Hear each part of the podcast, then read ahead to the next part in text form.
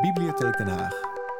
Meer dan 750.000 boeken alleen. Maar we gaan beginnen, dames en heren. En mijn eerste gast ehm, werd geboren in Deventer en woont en werkt alweer hele lange tijd in Amsterdam. Ze is zelf ook presentator van een literaire talkshow, Belmer Boekt, waar ruime aandacht is voor schrijvers en kunstenaars uit alle windstreken. In 1995 debuteerde zij met haar roman Blauw Metaal en in 2004 werd ze genomineerd voor de Libris Literatuurprijs met haar roman De Laatste Dichters over het leven en werk van een groep Afro-Amerikaanse dichters die zich inzetten voor de emancipatie van de zwarte Amerikanen eind jaren 60, 70. Maar haar nieuwe roman, en daar gaan we vanavond over praten, die deze week is uitgekomen, heet We hadden liefde, we hadden wapens en gaat over de Amerikaanse verzetstrijder Robert F. Williams, die in het gesegregeerde Noord-Carolina, North Carolina, vocht voor gelijke rechten voor alle Amerikanen. Een, uh, een historisch thema, maar ook een heel erg actueel thema waarover ik in gesprek ga met Christine Otte. Geef ze haar een hartelijk applaus. Ja. Christine, kan ik jou wat inschenken? Uh, ja, lekker. Ja. Hoe lang heb je over dit boek gedaan? Uh, twee jaar. Twee jaar. en en, en um, die, uh, die Robert F. Williams hè, speelde een belangrijke rol in de emancipatie van de zwarte Amerikanen. Dus de Afro-Amerikanen waren een minderheid in het blanke Monroe, zeg ik dat goed? Monroe. In Noord, North Carolina. Ja, klein, heel klein, piepklein stadje. Ja. En uh, hij moet dus. Uh, en hij, hij, heeft zo'n kleine zwarte gemeenschap in overwegend. Ja, een hele grote zwarte gemeenschap. Hele grote. Ja, ja, ja. De North Carolina ja. is heel, heel, uh, heel, heel veel zwarte ja. mensen wonen daar. En Monroe? Monroe ook. Ja. Maar die, zat, die, die woonden allemaal in aparte. in Newtown. Je had dan het spoor ertussen, daar waren de, de blanken in de. En dan na, achter het spoor kwam Newtown en dat, daar woonden de zwarte mensen. Dus echt een gesegregeerde samenleving. Ja, alles was, zeg maar, als je de tijd jaren 50, 60 spreekt. Er was echt alles wettelijk gesegregeerd. Scholen, bioscopen, restaurants, zwembaden. Waren, voor zwarte was er geen zwembad, dus er verdronken heel veel zwarte kinderen ook. Dat was echt een issue, omdat die dan in de gevaarlijke vijvers gingen zwemmen in het bos. En, en, was er dan vanuit de overheid, federale overheid, gemeentepolitiek, was er dan bekommernis om? Werd daar iets voor gedaan? Nee, in, te in tegendeel. De, de, de, de, zeg maar, de, want de, de, de Ku Klux Klan was actief, dus die, die, nou, er, werd, werd, er werd gewoon... Uh, er werden moorden gepleegd, er werden mensen mishandeld. En al de daders werden eigenlijk altijd vrijgesproken. Ja, ja. En, en de, ja, de politie die beschermde de Ku Klux Klan als die door de zwarte buurten ging. Ja, je kan het bijna niet voorstellen, want het is allemaal zo kort geleden. Maar dat... We hebben hier een foto van, ja, ik, op mij komt het op het vol, vol, volkomen belachelijk over. Als ik dat zie, dan zie ik een paar uh, mannen met puntmutsen op en die gek aan het doen zijn. Het lijkt, het lijkt een soort van carnaval. Maar dit, ja. dit, dit zijn gewoon volksmilities die, die erop uit waren ja. om, om zwarte Amerikanen ja. te vernederen, te intimideren. En die zijn er nog steeds. Dat is het enge. Ze zijn nog steeds uh, actief. Niet zo erg meer natuurlijk, maar het is, ja. ze zijn er nog wel. Ja. En waarom trokken zij door die zwarte buurten? Wat. Bang maken, dat ja. was het. Hè? Dat was, het was gewoon, ja, gewoon de, de, de, de negers, zo negroes, niggers, moesten hun plaats weten. Dat was het. Gewoon, uh, ja, die, die, die werden gewoon gezien als minder soort mensen. Die waren, uh, alle, die waren er alleen maar om, zeg maar, de witte mensen...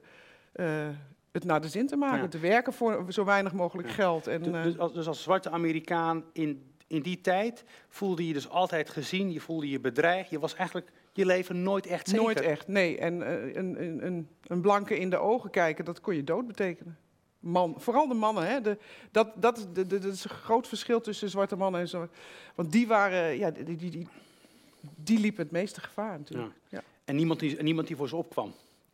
Nou ja, nee, dat moesten ze zelf ja. doen. Ja. Dus uh, vandaar Robert F. Williams, die dan in Monroe uh, daar tegenop staat. Hè? De, de, de, volgens mij moet je Ja, nou, dat was natuurlijk... Kijk, je had de Tweede Wereldoorlog. En heel veel zwarten gingen, vochten in Europa voor, voor vrijheid en democratie. En, en, toen, en, en, die, en die maakten ook kennis met een andere samenleving. Hè? Die, die, in Europa was het natuurlijk anders. Die, die, die ja. gingen naar... Uh, die, ik, ik, ik, sprak de broer van Robert Williams, die leeft nog, is bijna 100. Die ging dan uh, naar Parijs, Josephine Baker. Ja. En, uh, ja. Nou ja, en die werden dus anders behandeld. En die kwamen terug. Dus als, ze waren toch een beetje helden, want ze hadden de vrede, eh, of tenminste de, de, Duitsers verslagen. En kwamen terug en werden vervolgens weer helemaal ehm, als stront behandeld, zeg maar. Excuus helemaal. En dat was op een gegeven moment natuurlijk, dat waren mannen, die, die, die, die, waren, uh, ja, die, die, die waren militair gewend. Dus op een gegeven moment, dat, dat, dat, dat staat ook in, in, in het boek, toen was er een, een jongen die was een beetje gestoord uit die oorlog gekomen, een zwarte jongen, en die had zijn baas, baas vermoord. Nou, dat, dat omdat hij ruzie, maar die jongen was niet helemaal goed. Hij gaat door het lint. Hij, ja, hij gaat door het lint. Nou ja, hij werd, hij werd ter dood veroordeeld. Iedereen vond dat heel gewoon daar. Hij, en dat, hè, hij kreeg zijn straf. Maar dat was niet, toen was niet de kous mee af, want de Klan die wilde het, zijn lijk wilde ze dan eigen, eigendom maken van zichzelf en dan besmeurd met pek en, en veren zeg maar, door de straten ter afschrikking. Nou, en toen zeiden die mannen, en onder andere Robert Williams, die was toen nog heel jong, 47 was dat volgens mij, uh, dit, dit pikken wij niet. En toen gingen ze gewoon staan in een rij met z'n allen, heel, als, als militairen gewoon, huppakee. Ja. En toen kwam de Klan eraan. En dat waren gewoon lafbekken. Want als ze zelf uh, uh, gevaar liepen, nou, ze keerden gelijk recht weg waren ze. Ja. We, we, we, hebben daar, ik heb daar wat archiefmateriaal eh, van gevonden van dat Monroe. Daar gaan we even naar kijken. Uh, Robert leuk. F. Williams komt er ook in voor.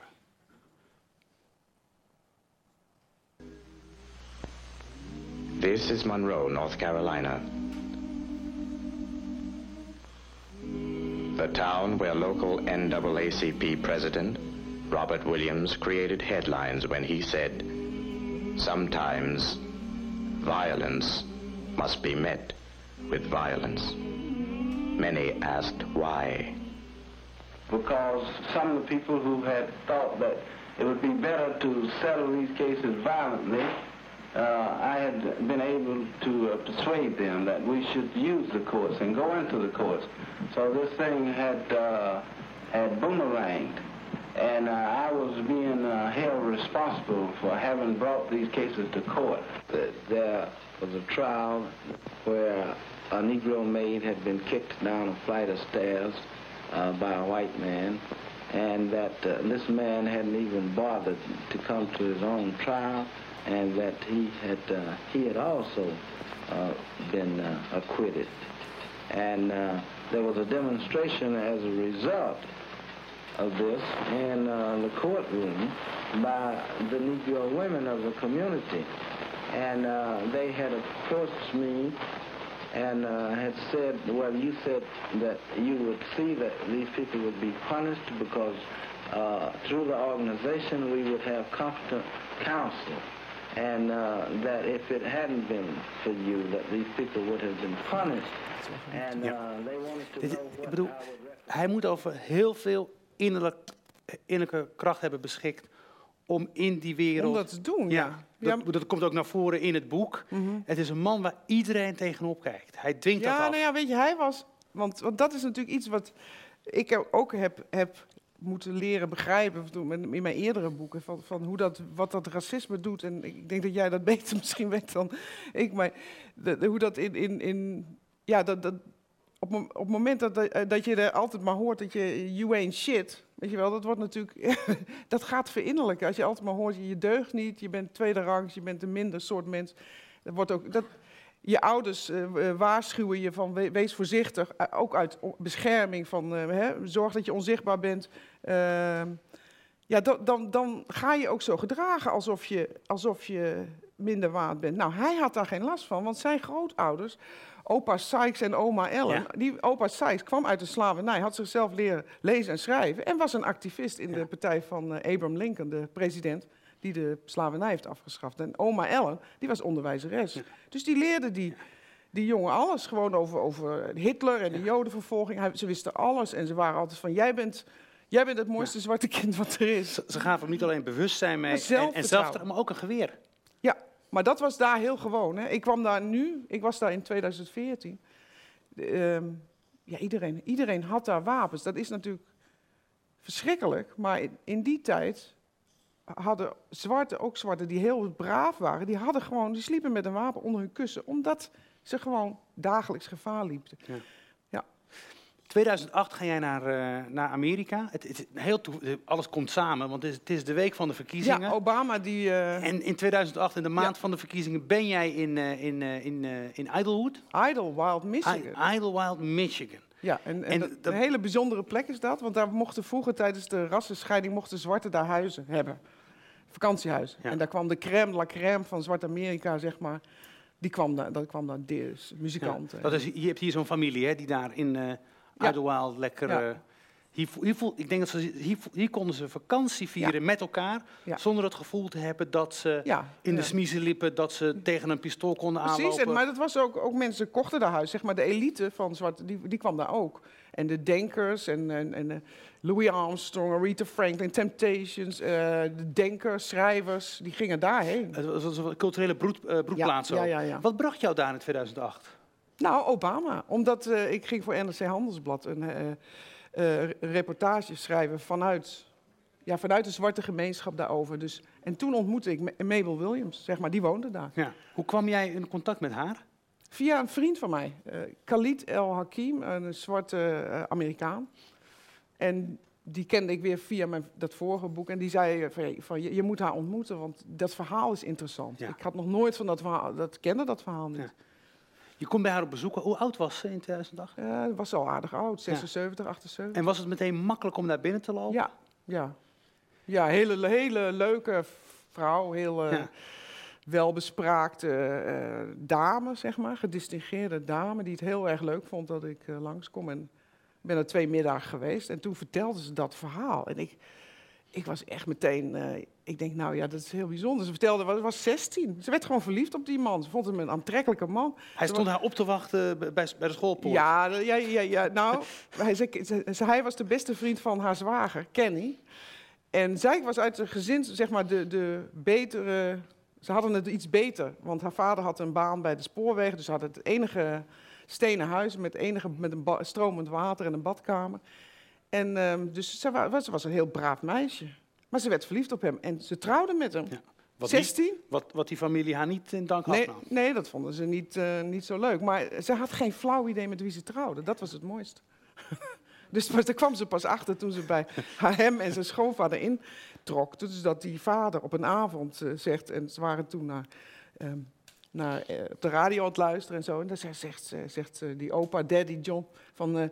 weet Mabel eigenlijk wel dat mijn zoon denkt dat hij de president van Amerika kan worden. Nou ja, dat was 1947. En hij zegt gewoon heel serieus, ja, waarom niet? Dus Ja. een man als ieder ander, waarom zou ik geen president kunnen worden? En, en dan, toen zei ze, ja, nou ja, toen drong pas echt aparte- me door dat, ik een, met een andere, ja, dat hij niet gewoon was. Want Ja. alle mannen die zij kende waren gewone mensen die bang waren. Ja, Ja. Die, die zich onzichtbaar probeerden te maken. Ehm, je- je besloot dacht, je, dacht, je, dacht je toen ook, hier zit een boek in? Nee, helemaal niet. Helemaal niet. Want ik, was, ik, heb gewoon een verhaal geschreven en ik was voor, voor NRC Handelsblad. En ja, ik was met, met andere boeken ik was bezig. Ik heb toen een boek geschreven over mijn vader. En, eh, en toen, jaren later, ik keek naar, was dat in de bioscoop en ik keek naar die film over Nelson Mandela. Met, eh, ja, en, en dat, dat gaat ook heel erg over dat, dat, dat verzet. En dat, dat op een gegeven moment gewapend verzet wordt. En hoe dat in zijn huwelijk. ehm, ja, hoe dat, dat, dat, dat gezinsleven he- eigenlijk Ja. helemaal beïnvloedt. En, en toen dacht ik, jee, ik heb dat verhaal van Mabel. Ja. En toen ben ik dat gaan afluisteren. En toen ben ik echt gaan, gaan onderzoeken van hoe, hoe, hoe, hoe, ze- hoe leven die zoons nog? Bobby en Johnny, want ik wist dat ze zoons hadden. Nou, toen kwam, John woonde in Detroit. En, Die, wa- die, was predikant, die is predikant Ja. geworden. en ik heb zelfs iemand, er is een, een weer witte vrouw die ook in dat boek voorkomt, die bij die, daar betrokken was. En die, die, die woonde in Australië, die heb ik opgespoord. En ja, de, die, de mensen vonden dat ontzettend eh, leuk. Niet meteen hoor, want ik moest natuurlijk wel Dat is die dame die, die meegaat met, met die mensen die opkomen. met de geweldloze Ja. ja. Ja, verzet. Ja. Die daarbij, die, een hele mooie discussie ontstaat er tussen haar en, en, eh, en Mabel over, over ja. Ja. wat moet je eigenlijk doen? En, en, Ja. en, en Mabel vindt, vindt dit blanke meisje uit, uit, uit, uit het noorden eigenlijk een beetje, ja, wel een beetje geprivilegeerd. Ze praat Ja. heel makkelijk over die strijd. Ja, maar, maar, ja, maar tegelijkertijd zegt ze, ja, ze is, ze is een Joods meisje uit Engeland.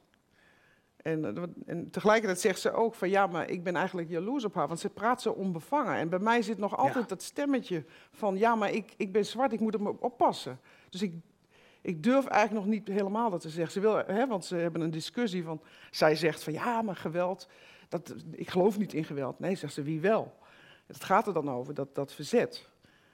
En dan, ja, dan zegt zij ook, eh, Mabel ook eigenlijk, of die zegt het niet, maar die in zichzelf, dat ze dat graag wil, wil, wil zeggen. Van ja, maar het, het gaat niet om zozeer om die wapens, het gaat om onze waardigheid. Het recht om voor jezelf op te komen. Ja, dat, dat maak je heel eh, inzichtelijk.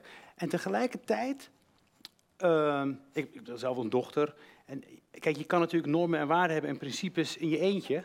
Maar als je je hele familie daarin meeneemt, zo radicaal, zoals, mm zoals, zoals eh, Robert doet, dan het heeft ook iets, hij heeft ook iets van een uh, Don, Quixote.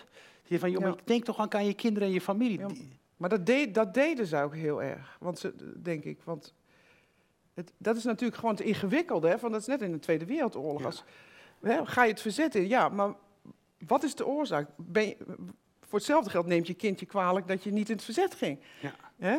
Maar ja, de, de context van die wereld, van die tijd, was natuurlijk gewoon eigenlijk de oorzaak van die, die problemen. Ja. En ik vind het echt, want ik heb er echt die zoon ook gevraagd van hoe komt het dat jij niet helemaal verknipt bent? Ja. Toen zei hij dat komt vooral door mijn moeder, maar het was zo'n sterke liefde. Dat gezin dat was gewoon zo hecht en zo. En die vader was een dominante man, echt een southern, uh, southern man, die gewoon, ja, de, de you don't mess with uh, Robert Williams.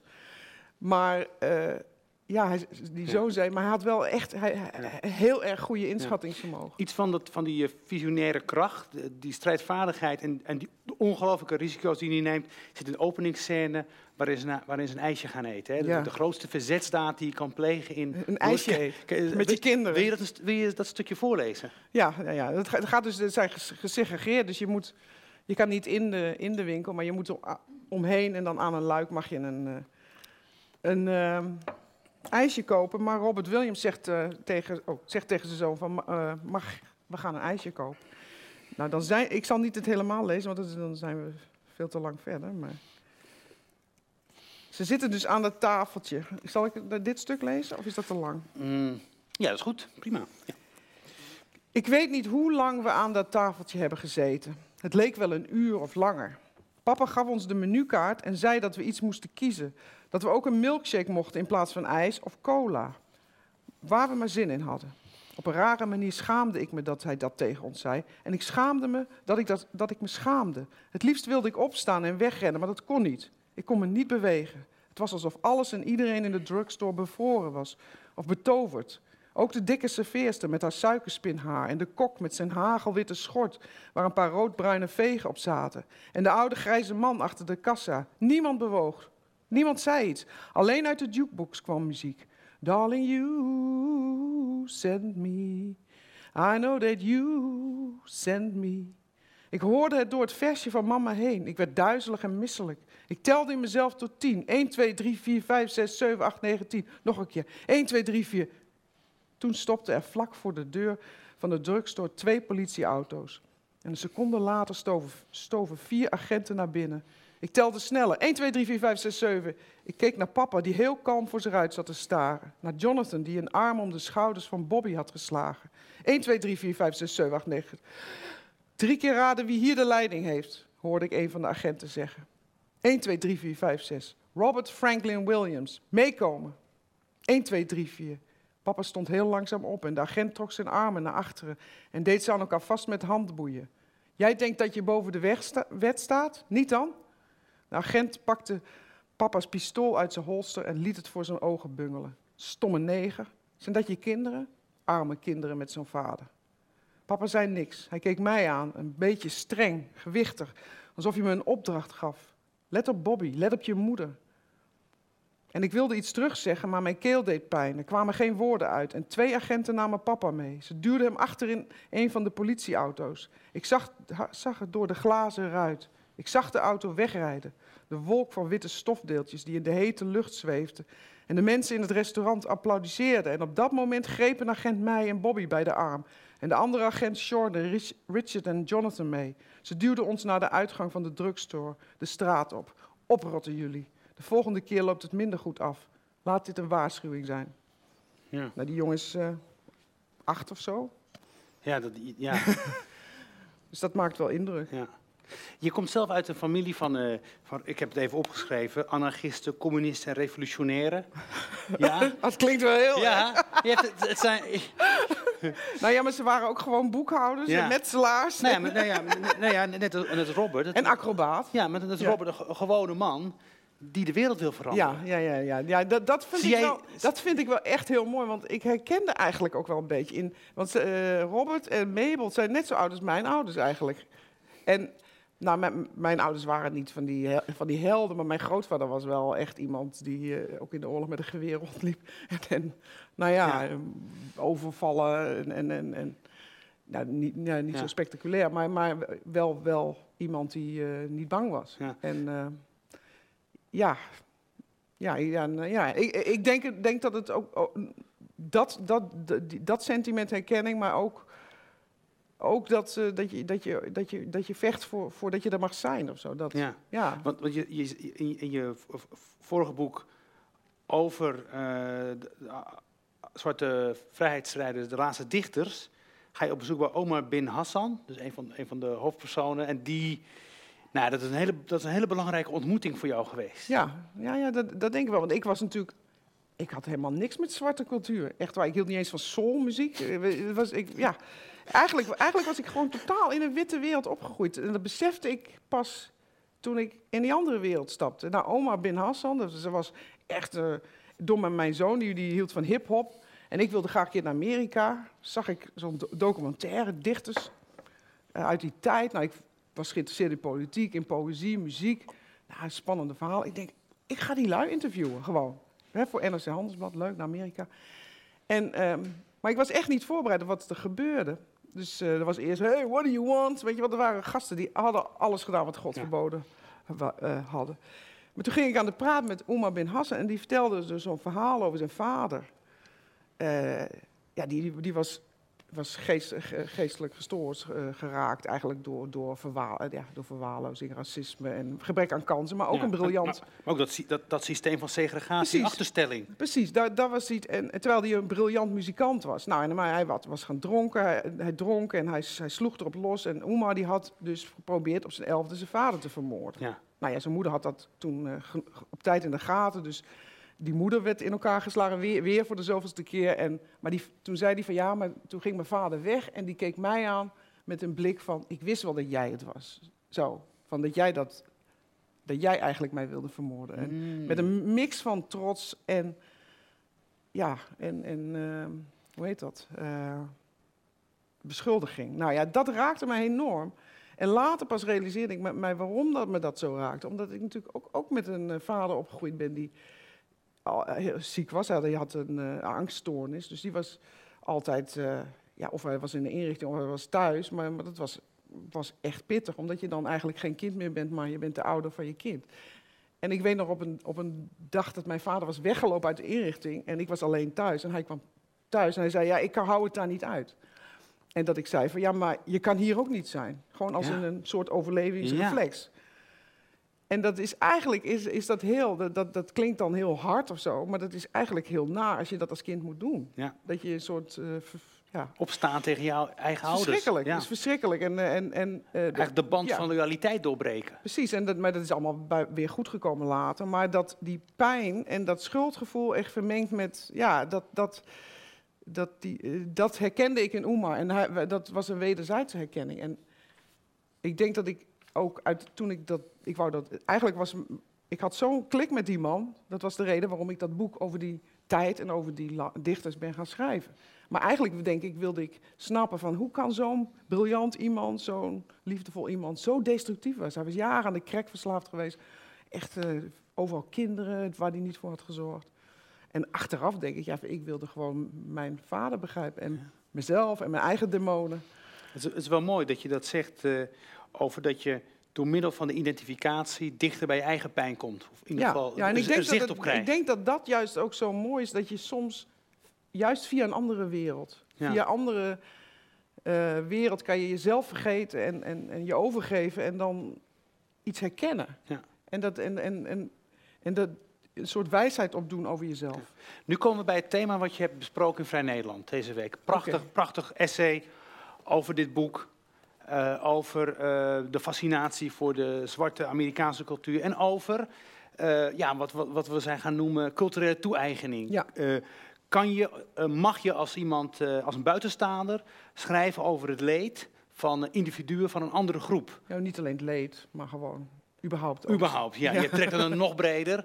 Maar het pijnpunt zit natuurlijk vaak bij dat leed. Ja. Van wie, wie, wie ben, ben jij om ons te representeren in Ja. iets waar wij mee worstelen? Ja, En dan ook nog even, jij pakt de shine, zoals ze het noemen. Hè? Jij scoort ermee en wij blijven met lege handen. ja, maar dat, ja. Je, ik stel het even heel scherp, dan hebben we een gesprek. ja, gelijk heb je. Maar je, maakt, je, hebt dat, en, eh, je, je gaat in op de, op de, op de discussie die, eh, die in, eh, op een lit- literatuurfestival in, in Australië is begonnen. Er was daar een, eh, ehm, een Amerika was het is Amerikaans of een Engelse auteur. Eh line of service, Amerikaans. Ja, ja die, die in een van haar romans voert ze een zwarte vrouw op. Die door een blanke man aan een leiband wordt Ja. gehouden. Dus die, die, die, die vrouw is doorgedraaid. En daar kwam heel veel kritiek op. Hè? Ja, En zij reageert dan op die kritiek van... Ja, eigenlijk mag ik dus als blank niet meer over zwarte personages ja. schrijven. ja, want er was, er was eh, kritiek dat ze stereotype karakters zou hebben. Ja, en, en toen kwam er daar weer heel veel kritiek op. Van, eh, van zeg maar gekleurde schrijvers. Van ja, van, van, ja je, je moet niet zo naïef zijn om te denken dat je als witte schrijver alle vrijheid hebt. En, en dus, alles, al- ja, Ja. dus maar gewoon over kan schrijven wat je wil. Dat, dat kan wel, maar Kreeg jij die kritiek ook van de laatste dichters? Nee, ik heb, ik heb die kritiek niet gehad en ik heb nu ook die kritiek niet. Want ik, ik, ik denk dat het eh, juist niet. Ik denk dat ik een beetje langzaam gewoon. Ik, ik voel me ook niet helemaal weer wit. Cultureel voel ik me helemaal niet meer wit. Ik ben het natuurlijk wel. Maar eh, nee, maar ik denk dat, dat dat komt omdat je als auteur. Het verschil is dus of je, of je gewoon maar bedenkt van ik ga nu een leuke zwarte opvoeren en dat beschrijf ik op basis van ja, misschien een beetje wat je er zelf van denkt of wat je van weet. Of dat je echt. Ja, ik denk van, van, tuurlijk, ik ben echt voor, de- in de literatuur mag alles. Ik, ik, ik vind dat echt, dat, dat nummer één. Want, want dat is ons werk, toch? Om, om te weten hoe het is om iemand Ja. anders te zijn. Ja. Dat is feitelijk wat de literatuur is. Maar ik, ik, ik, En, en, maar ik denk van je moet wel je, je echt eraan overgeven. En, en, en je moet je echt verdiepen. En je echt proberen te kijken van wat, wat, wat, wat, wat, wat, wat, wat is er? En wat deel ik ook daarmee? Want, ik bedoel, we zijn allemaal mensen. Maar daar- daarvoor moet je zelf durven te veranderen. Ik denk dat dat het is, dat je jezelf openstelt. Dat je jezelf een beetje opgeeft. Ik denk als een romanschrijver moet je durven jezelf op te geven. En dat klinkt heel dramatisch, maar dat bedoel ik eigenlijk. Dat is het mooiste wat er is. Dat jij iemand anders kan zijn. Daarvoor lezen we boeken. ja. Ik, ik, want, want je kan nooit echt weten hoe iemand denkt en voelt. En dat kan in de literatuur. Daarom, dat is gewoon fantastisch. Maar dan moet, je wel, dan moet je wel risico lopen. Net als in de liefde. Als jij niet durft jezelf uit te leveren... Hè, dan, dan, gebeurt er, dan blijf je altijd opgesloten in jezelf. En het is het risico dat je, dat je alles kan gebeuren. Maar het alternatief is dat je allemaal in je eigen wereld blijft. Je probeert dat, je- dat, dat, dat gevangen zitten in je eigen wereld- wereld ook literair te doorbreken. Door het, door het verhaal van die familie vanuit ve- verschillende perspectieven te vertellen. Het is niet alleen maar Mabel, maar ook John, de zoon. En af en toe zitten er gedachten tussen van andere eh, eh, personages die, die, die, die mee te maken hebben. Ja, het, het hoofdverhaal is, is, is, is Mabel. Mabel die is dan op haar sterfbed schrijft haar memoires. En die zegt eigenlijk tegen haar zoon John... ik wil dat jij zorgt dat mijn verhaal goed doorverteld wordt. En John is eigenlijk daar heel erg mee, worstelt daarmee. Ja. Want hij heeft eigenlijk zoiets van... ja, ik heb het eigenlijk ook niet helemaal als mijn eigen verhaal gezien. Dus hij moet, hij moet zijn versie vertellen. Dus dat is wat ik doe. Maar af en toe komen er flarden tekst van anderen in. En dat zijn eigenlijk mensen in de omgeving. Dat is de context. Want het verhaal, ik, ik vond het belangrijk. Ik maak het heel persoonlijk, heel intiem. Het is gewoon eh, alsof het, ja, Ja. gewoon ja, jij en ik.